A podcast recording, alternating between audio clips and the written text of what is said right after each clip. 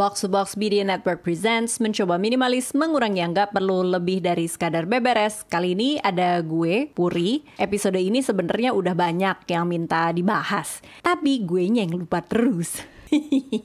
Sampai akhirnya diingetin lagi sama salah satu teman minimalis kita, Jericho Pratama. Shout out to Jericho. Dia nulis gini, e, gue sama istri mau pindah ke Jogja nih. Waduh, selamat ya, seru nih. Terus gue denger dia ngomong gini, sayang rumahnya nanti gedean ya, minimal kayak yang sekarang lah. Barangnya kan banyak. Nah kan, hamba nih jadi langsung, waduh, gimana sih sebenarnya kompromi atau dinamikanya kalau udah berkeluarga? Seenggaknya kan ada dua kepala dalam satu rumah. Mungkin prinsip mengurangi yang gak perlunya beda. Tolong bahas dong, kalau sendiri kan tinggal ngurangin aja. Sekali lagi, Jericho selamat ya. Mau pindahan di Jogja lagi. Mulai hidup baru, seru banget. Mau minimalis ataupun enggak nanti ya rumahnya. Gue aminin dulu. Budget rumah gede tetap ada. Tinggal pilih nanti mau rumahnya segede apa lo atur aja deh.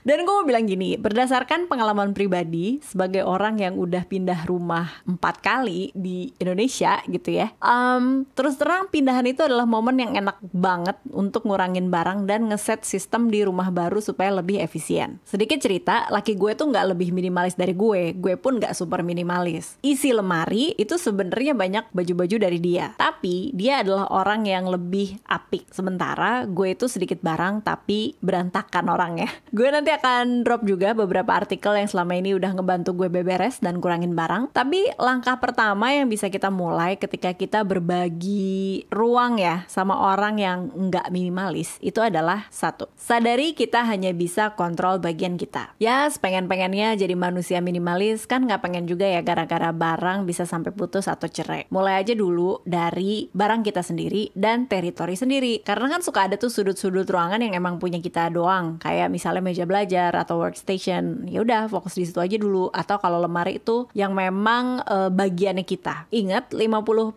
minimalis ini tetap lebih baik daripada enggak sama sekali. Jadi kalau misalnya lo pasangan anggaplah dua orang berarti 100% kalau setengahnya aja udah minimalis itu adalah progres daripada enggak sama sekali. Nah pesan gue adalah ketika kita bicara kita hanya bisa kontrol bagian kita segatal-gatalnya nih ya. Kalau ada adegan kaos kaki pasangan tinggal sebelah terus nggak dilungsurin atau nggak dibuang, percayalah kalau itu bukan milik kita, jangan kita buang dulu atau kita kasih-kasihin atau donasiin. Tanya dulu, ajak ngobrol dulu, dan ini akan ngebawa kita ke step kedua. Ajak ngobrol dan kenalin metode yang dirasa pas untuk pasangan atau untuk siapa pun yang lagi hidup e, bersama dengan kita sejago-jago ya penceramah akan kalah juga sama orang yang prakteknya kece. Ini berlaku juga di rumah. Pasangan itu kalau dikuliahin sampai berbusa soal minimalis, tapi kalau kita yang nggak kasih contoh dan nggak bikin dia ngerasain dampaknya, percaya deh, nggak akan ngaruh. Nah, kalau kitanya udah mulai, terus dianya juga ngerasa ini. Misalnya, ngelihat meja bagian kita lebih lega, cucian kita lebih dikit, tiap mau pergi saset-saset nggak ada adegan lupa barang taruh di mana. Nah, biasanya dia mulai ada reaksi. Kalau dia udah penasaran, mulai aja ngobrol. Tujuan ngobrol ngobrol ini sebenarnya adalah untuk kenalin kenapanya, ketemu titik tengah, dan cari metode yang pas buat dia, bukan buat memulai debat. Biasanya yang perlu ketemu titik tengah itu adalah ruangan yang dipakai bareng-bareng. Misalnya dapur, pantry, garasi, gudang, lagi-lagi lemari gitu ya. Sepakati aja dulu apa yang esensial e, perlu ada di semua ruangan tadi. Menurut dua-duanya, nanti ketahuan deh ruang mana yang perlu diaudit barang sama ruangan mana yang perlu diatur flow atau sistemnya. Nah, terus terang flow atau sistem ruang dan barang ini masalah gue banget. Kalau kita nggak punya tempat untuk seluruh barang yang kita punya, alias barang kita nggak punya rumah dan nggak punya sistem in and out, akhirnya barang itu bisa berceceran. Mau itu sedikit atau banyak. Apa nih yang dimaksud sistem in and out? Misalnya kita langganan belanja Tokped gitu ya. Kan nggak setiap paket langsung dibuka tuh, kadang suka ditumbuk. Nah, kalau kita nggak punya rumah untuk si paket tumbukannya itu, lama-lama itu bikin frustasi. Itu yang gue maksud dengan flow atau sistem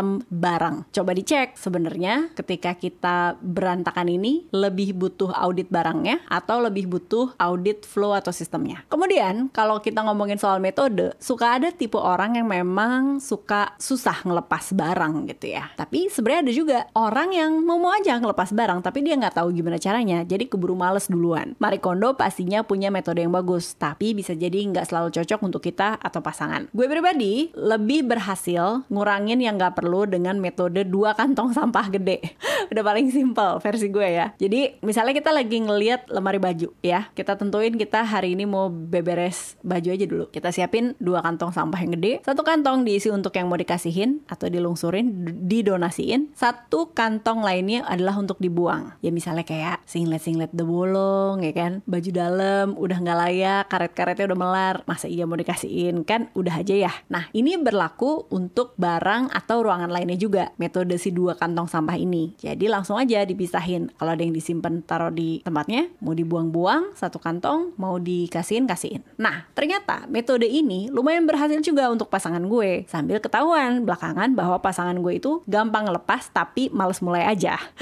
Jadi dengan gue sodorin dua kantong dan langsung gue fokusin ke salah satu sudut ruangan, itu bisa cepet. Dengan syarat harus lagi mood. Alias nggak bisa banget tuh pulang kerja langsung ditodong. Biasanya weekend berhasil atau tanggal merah mungkin. Nah, kalau soal flow, gue sama pasangan akhirnya sepakat kalau salah satu dari kita beli satu barang, seenggaknya satu barang lama perlu dilepas. Sekarang gue lagi latihan kalau kita masuk barang baru, apa itu barangnya ya, mau baju, tas, sepatu, berarti gue lepas 5. Nah, itu atur aja. Temuin aja kesepakatan-kesepakatan ini ala lo dan pasangan atau anggota keluarga lain di rumah. Tiga, yang juga jadi poin terakhir adalah gali kenapa seseorang itu susah lepasin sesuatu. Biasanya orang megang suatu barang lama-lama adalah karena nilai sentimentalnya. Untuk gue yang cukup tega ke diri sendiri, itu udah paling gampang adalah barang tersebut difoto sebelum didonasiin, dilungsurin atau dibuang. Terus fotonya itu diupload ke G Drive atau cloud. Jadi kalau kangen ya pengen lihat tiket pertama kencan, gitar pertama, uh, bisa jadi lo masih nyimpen kebaya nikahan gitu ya lihat aja fotonya. Tapi kan ada ya orang-orang yang tetap nyimpen barang tertentu uh, entah itu karena misal motivasi mau turun berat badan gue pengen simpen nih jeans yang ini ya udah simpen aja. Tapi kan nggak harus 10 jeans ya yang disimpan simpen satu aja. Atau ada orang yang susah ngelepas barang karena memang ada insecurity di dalam diri mereka kayak ngerasa harus pakai barang tertentu supaya lebih pede dan sebagainya. Di sinilah peran kita untuk mengasah sensitivitas melihat kenapa pasangan kita kurang bisa melepas. Hoarder atau penumpuk barang akut ini juga banyak bersinggungan dengan keadaan psikologis. Jadi sangat hati-hati ya gimana kita bersikap dan tetap suportif untuk mereka. Nggak cuman soal sama pasangan aja, siapa tahu lo juga tinggal sama orang tua. Karena orang tua biasanya suka banyak nostalgianya akhirnya susah melepas. Kalau udah dirasa perlu, daripada langsung kasih masukan, bisa diajak ngobrol dulu dan banyak dengerin. Kalau emang perlu libatkan psikolog, kalau waktunya pas, boleh banget. Nah, selamat decluttering alias beberes barang. Untuk teman kita Jericho, gue tunggu ceritanya ya dari lo ya. Gimana nih? Semoga nggak berakhir ngambek dan uh, ribut sama pasangan ya menjelang pindahan.